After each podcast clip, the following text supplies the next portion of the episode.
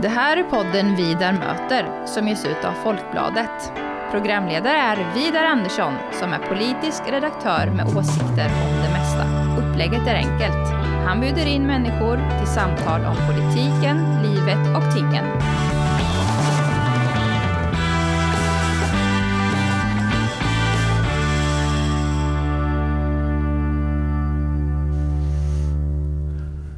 Välkommen till Vidar möter Elias Agire. Tack så mycket. Du är kommunalråd för Socialdemokraterna i Linköping. Det stämmer bra. Mm. Och Linköping är ju, eh, stod jag på en lista alldeles nyss, Sveriges femte största stad. Ja, eh, det- femte största kommun. Ja, kommun. Ja, Eh, Stan är, vi har stor landsbygd. Ja. Stan är lite mindre. ja. 166 000 personer lite drygt. Ja, vad blir det många de senaste åren? Ja. Hör du, du också, numera är du vice ordförande i barn och ungdomsnämnden. Stämmer bra. Och det beror på att eh, de borgerliga partierna vann senaste valet och regerar nu. Det är de fyra, det är alliansregering rent av i Linköping. Eh, Var det hårfint? Fick ni stryk med mycket eller är det jämnt i Linköping?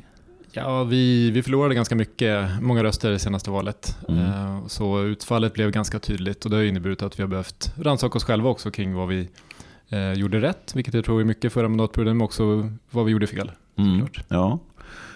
Eh, Socialdemokraterna har ju en lång historia av att ha regerat i Linköping och var ju nästan först med att, jag vet hur långt tillbaka i tiden, och med, med Kristen Demokratisk Samling som det hette på den tiden rent av. Alltså med KD, eh, med Centerpartiet framför allt, men också med Liberalerna senaste perioden, eller hur? Är, är socialdemokratin i Linköping så extra samarbetsinriktad, skulle du säga? Eller? Men det är en kultur som har vuxit fram eh, av eh, de förutsättningarna som finns i kommunen. Eh, Vi socialdemokrater försöker vara med och påverka utvecklingen och i, i Linköping så, så har valresultaten och profilen på stan också inneburit att, att det har varit mot mitten vi har fått söka oss. Mm. Så kommer det säkert vara framöver också. Vi, vi, vi ligger ju ganska nära hur det ser ut i riket eh, och känner igen oss mycket i den strategin som, som Mm. eh, Stefan Löfven har haft under de senaste åren. Mm. Och det är också så att eh, de sista 40 åren kanske sedan universitetet har kommit, och Saab naturligtvis och många andra industrier i framkant i, i exportföretag och tekniska företag, att utbildningsnivåerna också har, har höjts. Alltså att du, har fått en större liksom, urban medelklass. Just det, och det finns, eh, men det finns en stor förståelse bland många Linköpingsbor och det genomsyrar politiken också, det här behovet att gå eh, tillsammans med, med näringslivet, se till att det finns goda förutsättningar att kunna växa som företag, att kunna anställa personer, men också att skapa bra levnadsvillkor så att människor vill flytta till kommunen eh, och eh, skapa sig en framtid. Eh, och det har vi varit duktiga på i olika politiska styren under åren. Mm. Mm. Du Elias, eh, eh, jag kontaktade dig eh, när jag läste ett reportage i Dagens Nyheter här av, eh, av bland annat deras eh, reporter då Lasse Wierup som eh, är specialiserad så att säga, på gängkriminalitet. Kan man kan säga. Och på, ja, på kriminalitet, på sociala frågor och har skrivit oerhört mycket om det under årens lopp i böcker och reportage. Och, eh, och där medverkade du och jag lyssnade på en intervju med dig och där sa du liksom att eh, en valfråga för Socialdemokraterna i Linköping nu här inför 22, det kommer att vara liksom att man eh, ska stoppa nyanlända från att flytta till en stadsdel som ni har som heter Skäggetorp. Varför detta? Nej, men det är ju en sorglig utveckling som smärtar en som Linköpingsbo att vi blir fokus för reportage om gängkriminalitet. Och eh, bara senast idag hade vi fler sådana reportage i nationell media eh, om, om gängkriminaliteten i Berga, ett annat bostadsområde i, i kommunen. Ehm, och vi ser ju att utvecklingen har gått så pass långt att vi har en tystnadskultur i en del av de här områdena. Eh, polisen signalerar att man har svårt att få vittnen att ställa upp. Vi har också haft situationer där där eh, ja, personer har blivit hotade och till och med enstaka händelser där man har blivit skjutna och mördade som följd av eh, att man har vittnat. Mm. Och eh, det där äter sig in i samhället och det blir, blir extra svårt av att vi har en jättestor omflyttning i de här bostadsområdena. Det är framförallt Skäggetorp. Mm. Skäggetorp, där bor någonstans 12 000 människor idag. Eh, Det är en- mellanstor svensk kommun på ett, ett gärde utanför Linköping kan man säga. Och väldigt många är nya i Sverige och har inte riktigt koll på hur, hur man kan ta hjälp av polis, av, av myndigheter, hur man Ehm, hur man kan ta hjälp av skolan och så vidare. Eh, vilket gör att Ehm, det blir väldigt svårt för samhället att fungera på ett bra sätt och hjälpa de som behöver hjälp och stötta på ett bra sätt. Och då ser vi eh, att vi ska använda alla medel vi har egentligen för att försöka se till att här ska vi inte ha fler nyanlända. Det, det, det får vi, det kan vi hantera men det måste vi göra på andra platser. Mm. Är det möjligt för en kommun att säga att inga nyanlända får flytta? Nej, men man kan ju använda så många verktyg som möjligt. Man har ju ett antal verktyg. Eh, vi, vi äger fortfarande en, en hel del bostäder, flera tusen bostäder i, i Skäggetorp från kommunens sida. Det är klart att vi kan göra ännu mer eh, där för att, säga, för att styra vilka som får bosätta sig i området. Mm. Men delvis är det ju nationell politik. Och, eh, ja, vi ställer ju oss ju bakom de förändringar i migrationslagarna som genomfördes i somras här av regeringen tillsammans med flera andra partier för att vi ser att vi kan inte komma tillbaka till nivåerna på, från 2015 igen. Eh, tvärtom så behöver vi möjlighet att kunna bygga något långsiktigt och då, då handlar det om en ordnad eh, migration mm, igen. Mm. Så att hur, hur Sverige tar emot flyktingar det är ju, det är ju faktiskt också en, en del av att få en lättnad i områden som Skäggetorp. Mm. Men jag tror vi kan göra mer lokalt också. Väldigt många är ju inte heller flyktingar i eh, ordets bemärkelse. Utan det är, vi har ju en stor invandring, alltså att, att människor från Mellanöstern och Afrika försöker söka sig bättre villkor för sig och sina barn, bättre livsmöjligheter, vilket är ju helt sunt naturligtvis. Men väldigt få har ju liksom asylskäl enligt eh, flykting, eh, flyktinglagstiftningen som gäller. Ja, så det finns ju flera delar man behöver ta tag i. Det, jag, jag, min bild är att vi, vi behöver bli bättre på i Sverige och Europa på att ta emot människor som eh, är i stor nöd. För det finns ju otroligt många som är det. Mm. Där fungerar ju asylsystemet dåligt idag. Mm. På det sättet att det, det, är väldigt svårt för den som är eh, väldigt utsatt i, ett, i en krigshärd att ta sig till en plats där man kan söka asyl och få det på riktigt. Um, när när uh, min familj sökte, sig till, sökte uh, politisk asyl i Sverige på 70-talet så kunde man göra det genom Röda Korset på plats i, i ett annat land. Uh, och det innebar ju att Sverige kunde, kunde hjälpa faktiskt personer då som, de personerna som, som var i mest nöd. Um, samtidigt så finns det andra delar som jag kanske ser som, som särskilt viktiga att ta tag i. Jag, menar, jag, jag drar gärna lands för en, för en hårdare arbetskraftsinvandring till exempel. idag så så är det ju rejält uppluckrat med vilka, vilka som kan komma och, och, och jobba i, eh, i Sverige utan att egentligen ha ha, utan att det egentligen finns en brist på arbetskraft i de områdena. Eh, vi har en arbetslöshet som är ganska hög i Sverige idag. Långtidsarbetslösheten är hög. Ehm, och där finns det mer att göra för att se till att de som finns i Sverige har möjlighet att ta de jobben. Mm. Eh, snarare än att, man, att uh, fler ska komma utifrån och göra det. För det, det, det föder också en hel del uh, fusk och oseriositet bland, bland företag. Mm. Så, Absolut, jag håller helt med dig där Elias. Alltså att he, hela det här området är i behov av stora reformer. Mm. Och det har varit, jag skulle säga, i vart fall misskött i 20 år. Mm. Och um, det hoppas jag verkligen så att vi får någon regering till stånd, alltså som är sammansatt på det viset. Gärna med Socialdemokraterna. Mm. Som vi ser på det. Men alltså som är sammansatt på sånt vis att man kan göra ett reformarbete på det området. För mm. det är ytterst angeläget. Mm. Nej, men för mig um, är det ju, jag, jag, tror att det är viktigt att komma till ett läge där inte det här är bara plakatfrågor. För det, mm. det, det, märker man ju att när regeringen uh, försöker föra seriösa samtal med med motståndarsidan, med Moderaterna och Sverigedemokraterna, så är ju de noggranna med att, att gå ut ur rummet innan det kan börja bli seriöst, innan det kan bli riktiga överenskommelser. Um, och tyvärr har vi sett det och, och eh, för mig som socialdemokrat så, så, ser jag ju migrationsöverenskommelsen mellan alliansregeringen, Reinfeldts regering och Miljöpartiet som en, som en startpunkt på det där. Det finns mm. säkert andra som tittar på andra startpunkter.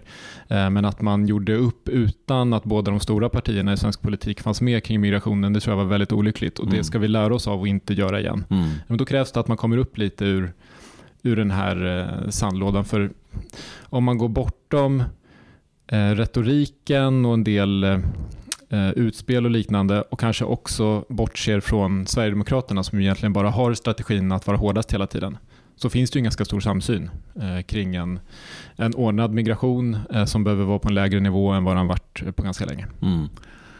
Precis, och jag tycker det är mycket olyckligt alltså att eh, för ett land, vilket land som helst, men inte minst för Sverige, att den stora frågan liksom som eh, formerar egentligen hela politiken, som formerar regeringsalternativen, är invandringen. Mm. Och det tyder på att den är misskött. Alltså när, när jag växte upp, jag är ju ungefär dubbelt så gammal som vad du är. Och ehm, då var det ju självklart i den här, när man läste i SSU och i partiets så säga, skolor för kommunalpolitiker och, och så, att eh, när det gäller invandringen måste man se till att hålla den på sådana nivåer att integrationen fungerar. Mm och att man inte retar upp människor eh, som liksom eh, betalar skatt och sköter sig. För det finns alltid en sån motsättning. men det har blivit nästan förbjudet att tala om. Och det, det, det är synd. För det, det, är då det blir en sån stor fråga. Mm. Och vi får in mycket osaklighet också då i, ja, i debatten som ja, blandas ja. Med, med sakliga argument, absolut. Och jag är ju orolig också för att vi får en situation där, där eh, det blir ett spelrum för direkt främlingsfientliga krafter. Mm. Att eh, det blir, när pendeln nu svänger åt ett annat håll, svänger tillbaka kanske från det du beskriver, mm. att men det här har varit svårt att prata om, att det då också blir en våg av hot och hat mot eh, utsatta grupper. Alltså, mm. I vissa sammanhang är ju muslimer det, i andra mm. sammanhang är andra religiösa minoriteter eller bara de som har en annan hudfärg. Mm. Det har vi ju sett under historiens lopp att det eh, i modern tid och under min barndom och sådär, att det, det, fanns mycket sånt. Um, och där, där är det viktigt att vi håller tungan rätt i mun mm. när vi pratar om de här frågorna. Jag har försökt uh, vara tydlig med att det här inte handlar när det handlar om e egenbosättningslagstiftningen mm. och liknande så handlar det inte om etnicitet eller om kultur i första mm. hand. Utan att det handlar om samhällets möjlighet att kunna um, integrera mm. och möjlighet att erbjuda en plats i samhället på ett bra sätt. Precis. Och när det inte fungerar så öppnar man upp för sådana diskussioner. Att, mm. Ja, att folk från vissa delar av världen, etnicitet, eller också, vilket stör mig ännu mer nästan med min mm. genomsvenska bakgrund, arbetarbakgrund, mm. det är att man börjar tala om, om klass. Att, liksom att, att bara för att du är fattig Eh, så ska du börja bli kriminell. Jag menar, eh, och, alltså det, det, det blir sådana generaliseringar som är, gör stor skada. Alltså. Just det, men, det, men man måste ju, precis som i de här rapporterna som har kommit nu, alltså eh, Brottsförebyggande rådet, mm. klargörande med studier av hur kriminaliteten ser ut i olika grupper och liknande, så är det klart att um, den, är ty- den tycker jag är tydlig på att det finns en samverkan mellan Eh, att komma som nyanländ eller vara andra generationens invandrare mm. å ena sidan. och andra sidan klassamhället som mm. är så tydligt, som också påverkar hur, hur du har möjlighet att kunna ta till dig, eh, men hur, hur du klarar dig i skolan. Särskilt mm. i en skola som är utsatt för för en stor privatisering idag. Vi ser säkert olika på, på den frågan, men för mig är ju att vi har en, en marknadsskola till stora delar idag, som ju också är segregerande, ett stort problem för att klara integration, för att klara att ge även de med mindre, mindre resurser eller sämre förutsättningar från början en god utbildning. Mm. Vi kan problematisera det där lite för nu eh, den här eh, höstterminen då så är högstadiet i eh, den kommunala skolan, Skäggetorpsskolan, mm. är nedlagt. Mm. Det finns kvar tre förskolor mm. skolor där, eller alltså F6-skolor och det finns massa förskolor, massa barn. Mm. Så inte det, man har lagt ner högstadiet. Mm. Och jag läste, jag googlade runt lite på det där och hittade en artikel i Korren från 2009. Mm. Det var en eh, man från Kosovo då som hade bott i Sverige 13 år vid den mm. tiden och bodde i Skäggetorp. Mm. Och han hade någon form av, eh, han uttalade sig eh, ofta om att man borde lägga ner mm. Skäggetorpsskolans högstadium. Mm. Eftersom, det, då sa han 80% kommer från annat håll då, kanske förmodligen ännu mer nu. Ja, det var det. Ja, och själv eh, sa han så här, jag talar inte i egen sak för eh, min mellandotter går på Engelska skolan och min yngsta ska också göra det. Mm. Alltså att man, man måste problematisera det och då borde ju kommunen i så fall ha sett till att det var en bättre skola i Skäggetorp. Eller? Jag menar, man kan inte skylla sen på folk för att de söker sig någon annanstans. Om du säger med marknad, jag kan få en plats typ på Engelska skolan mm. eller någon annan kommunalskola, mm. innerstadsskola. Nej, alltså, nej, men när det gäller Skäggetorpsskolan och nedläggningen så då stöttade jag ju det. Mm. Ehm, och egentligen för att vi kom till vägs ände i och med, ehm, ja, med 2015 och det stora flyktingmottagandet som innebar att Skäggetorp ehm, ja, nästan inte hade några med, med svensk bakgrund kvar i, mm. i skolan. Och eh, ehm, där eh, då blir ju, även fast man drar sig för det där och att det finns goda möjligheter att kunna skapa en bra skola, så till slut, när det är så många, som en tredjedel som var helt nyanlända i mm, Sverige mm, ja, skolan, då är det, och särskilt på högstadiet, då är det svårt att, att få till en bra skola. Eh, eh nej men, eh, det jag ser är ju, kanske framförallt eh, på andra ställen i landet, det är ju att friskolorna står och slår sig för bröstet. Man, ju, man klarar av att examinera många. Samtidigt så har vi ett ganska naivt system som dels bygger på att eh, ja, egentligen att du marknadsför att du klarar av att leverera höga betyg eh, och vilket ju driver på en, en betygsinflation hos friskolor och hos kommunala skolor.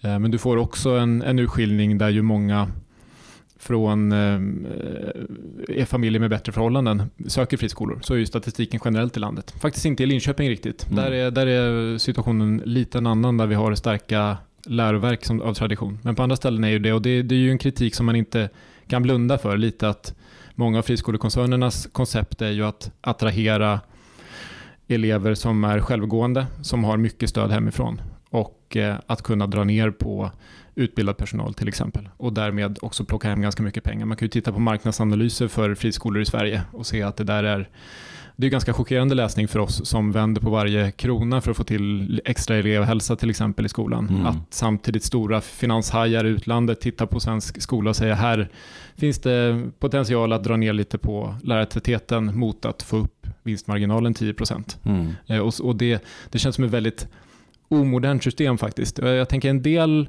av de som var med och införde det där har inte riktigt vaknat upp kring att det finns en stor kritik mot det där som är berättigad. Mm. Och den yngre generationen, är både höger som vänster, ser det på ett annat sätt tror jag. Mm.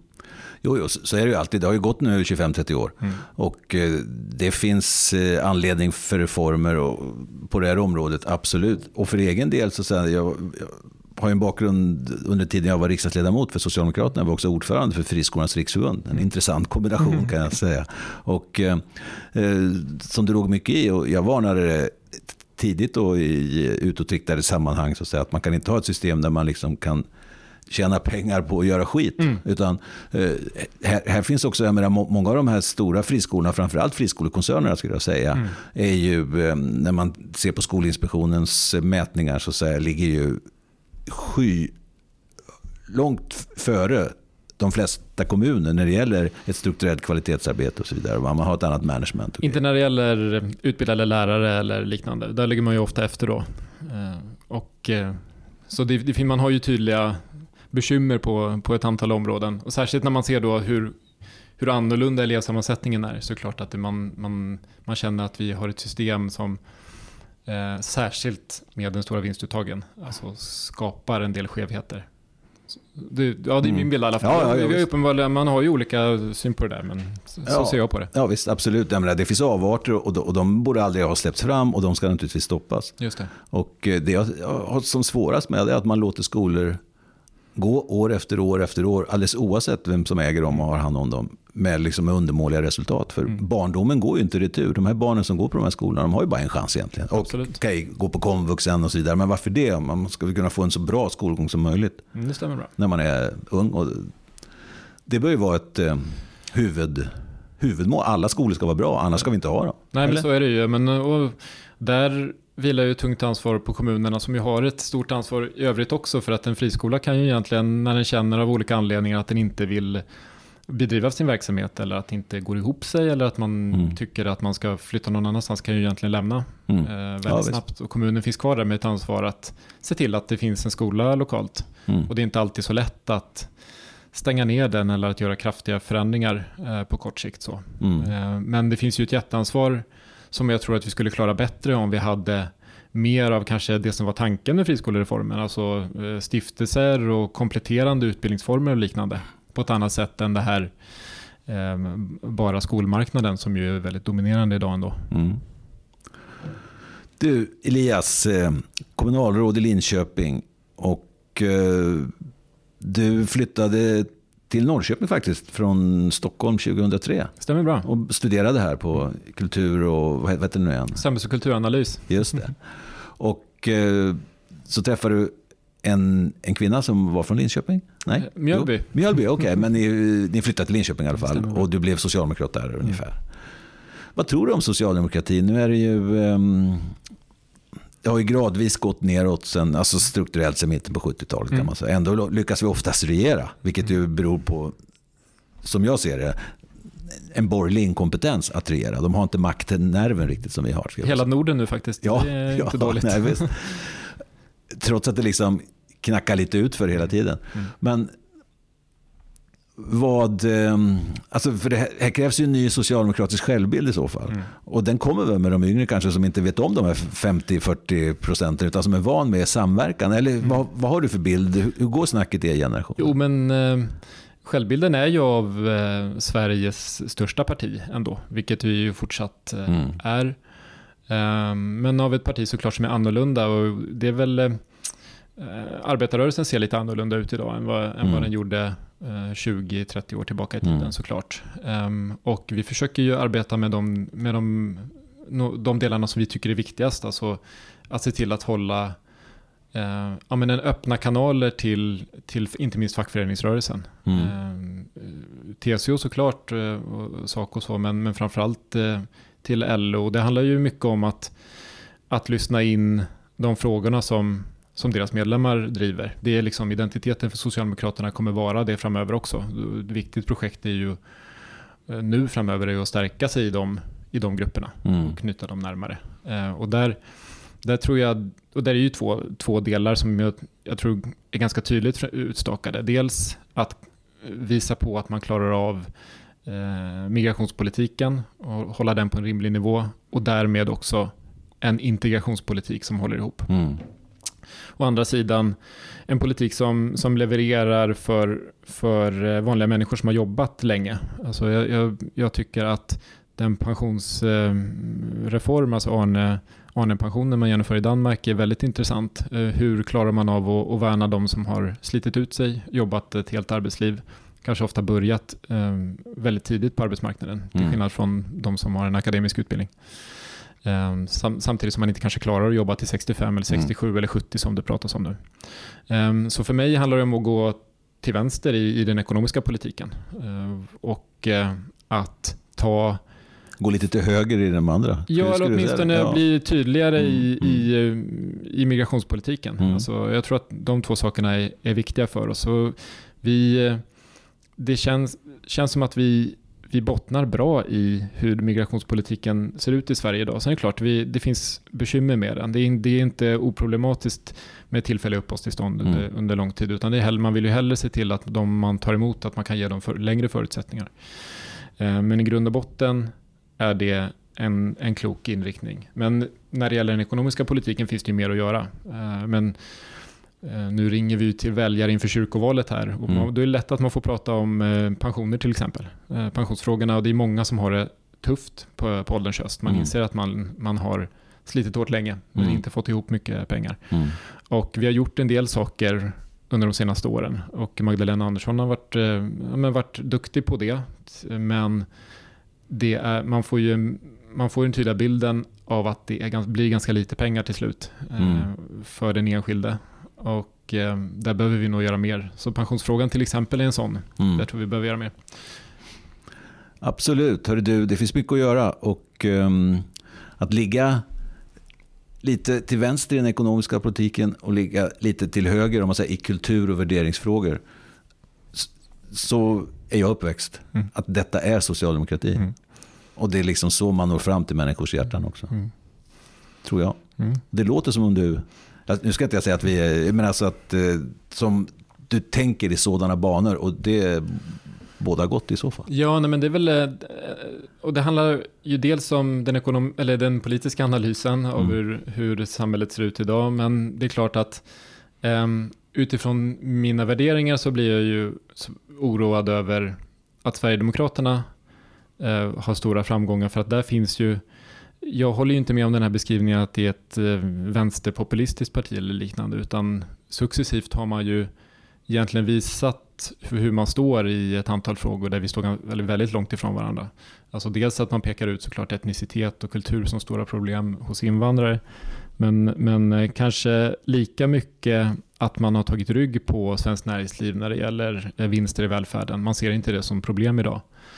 Um, det är klart att man, att man också inte döljer sin skepsis mot fackföreningarna. Det är också, är också en sån där sak som jag tycker vi behöver, be, behöver uppmärksamma väljarna på att det, att det är så det ligger till. Och det är klart att eh, vi ska se till att ha, vara en vettig röst, vi socialdemokrater, i migrationsdebatten. Men eh, vi, eh, vi kommer ju inte låna oss till den typen av retorik eller språkbruk som högern och framförallt Sverigedemokraterna använder sig av idag. Mm. Nej, för det vore också meningslöst och dumt. Det har ju varit en del sådana saker under årens lopp. Så säga, när, man märker att de socialdemokratiska ledande politikerna försöker låta mm. så. Det blir bara plumpt. Mm. Utan det här är strukturella frågor, det är viktiga samhällsfrågor. Mm. Och då ska man inte hålla på att privatisera. Det är den värsta privatiseringen när mm. man säger att alla problem beror på dig och dig och dig. Till exempel. Det är exakt. det värsta, det måste vi hålla oss ifrån. Ja, exakt. Helt enig med det Elias. Och stort tack för att du ville vara med i Vidarmöter. Tack för att du fick vara med. Allt gott framåt.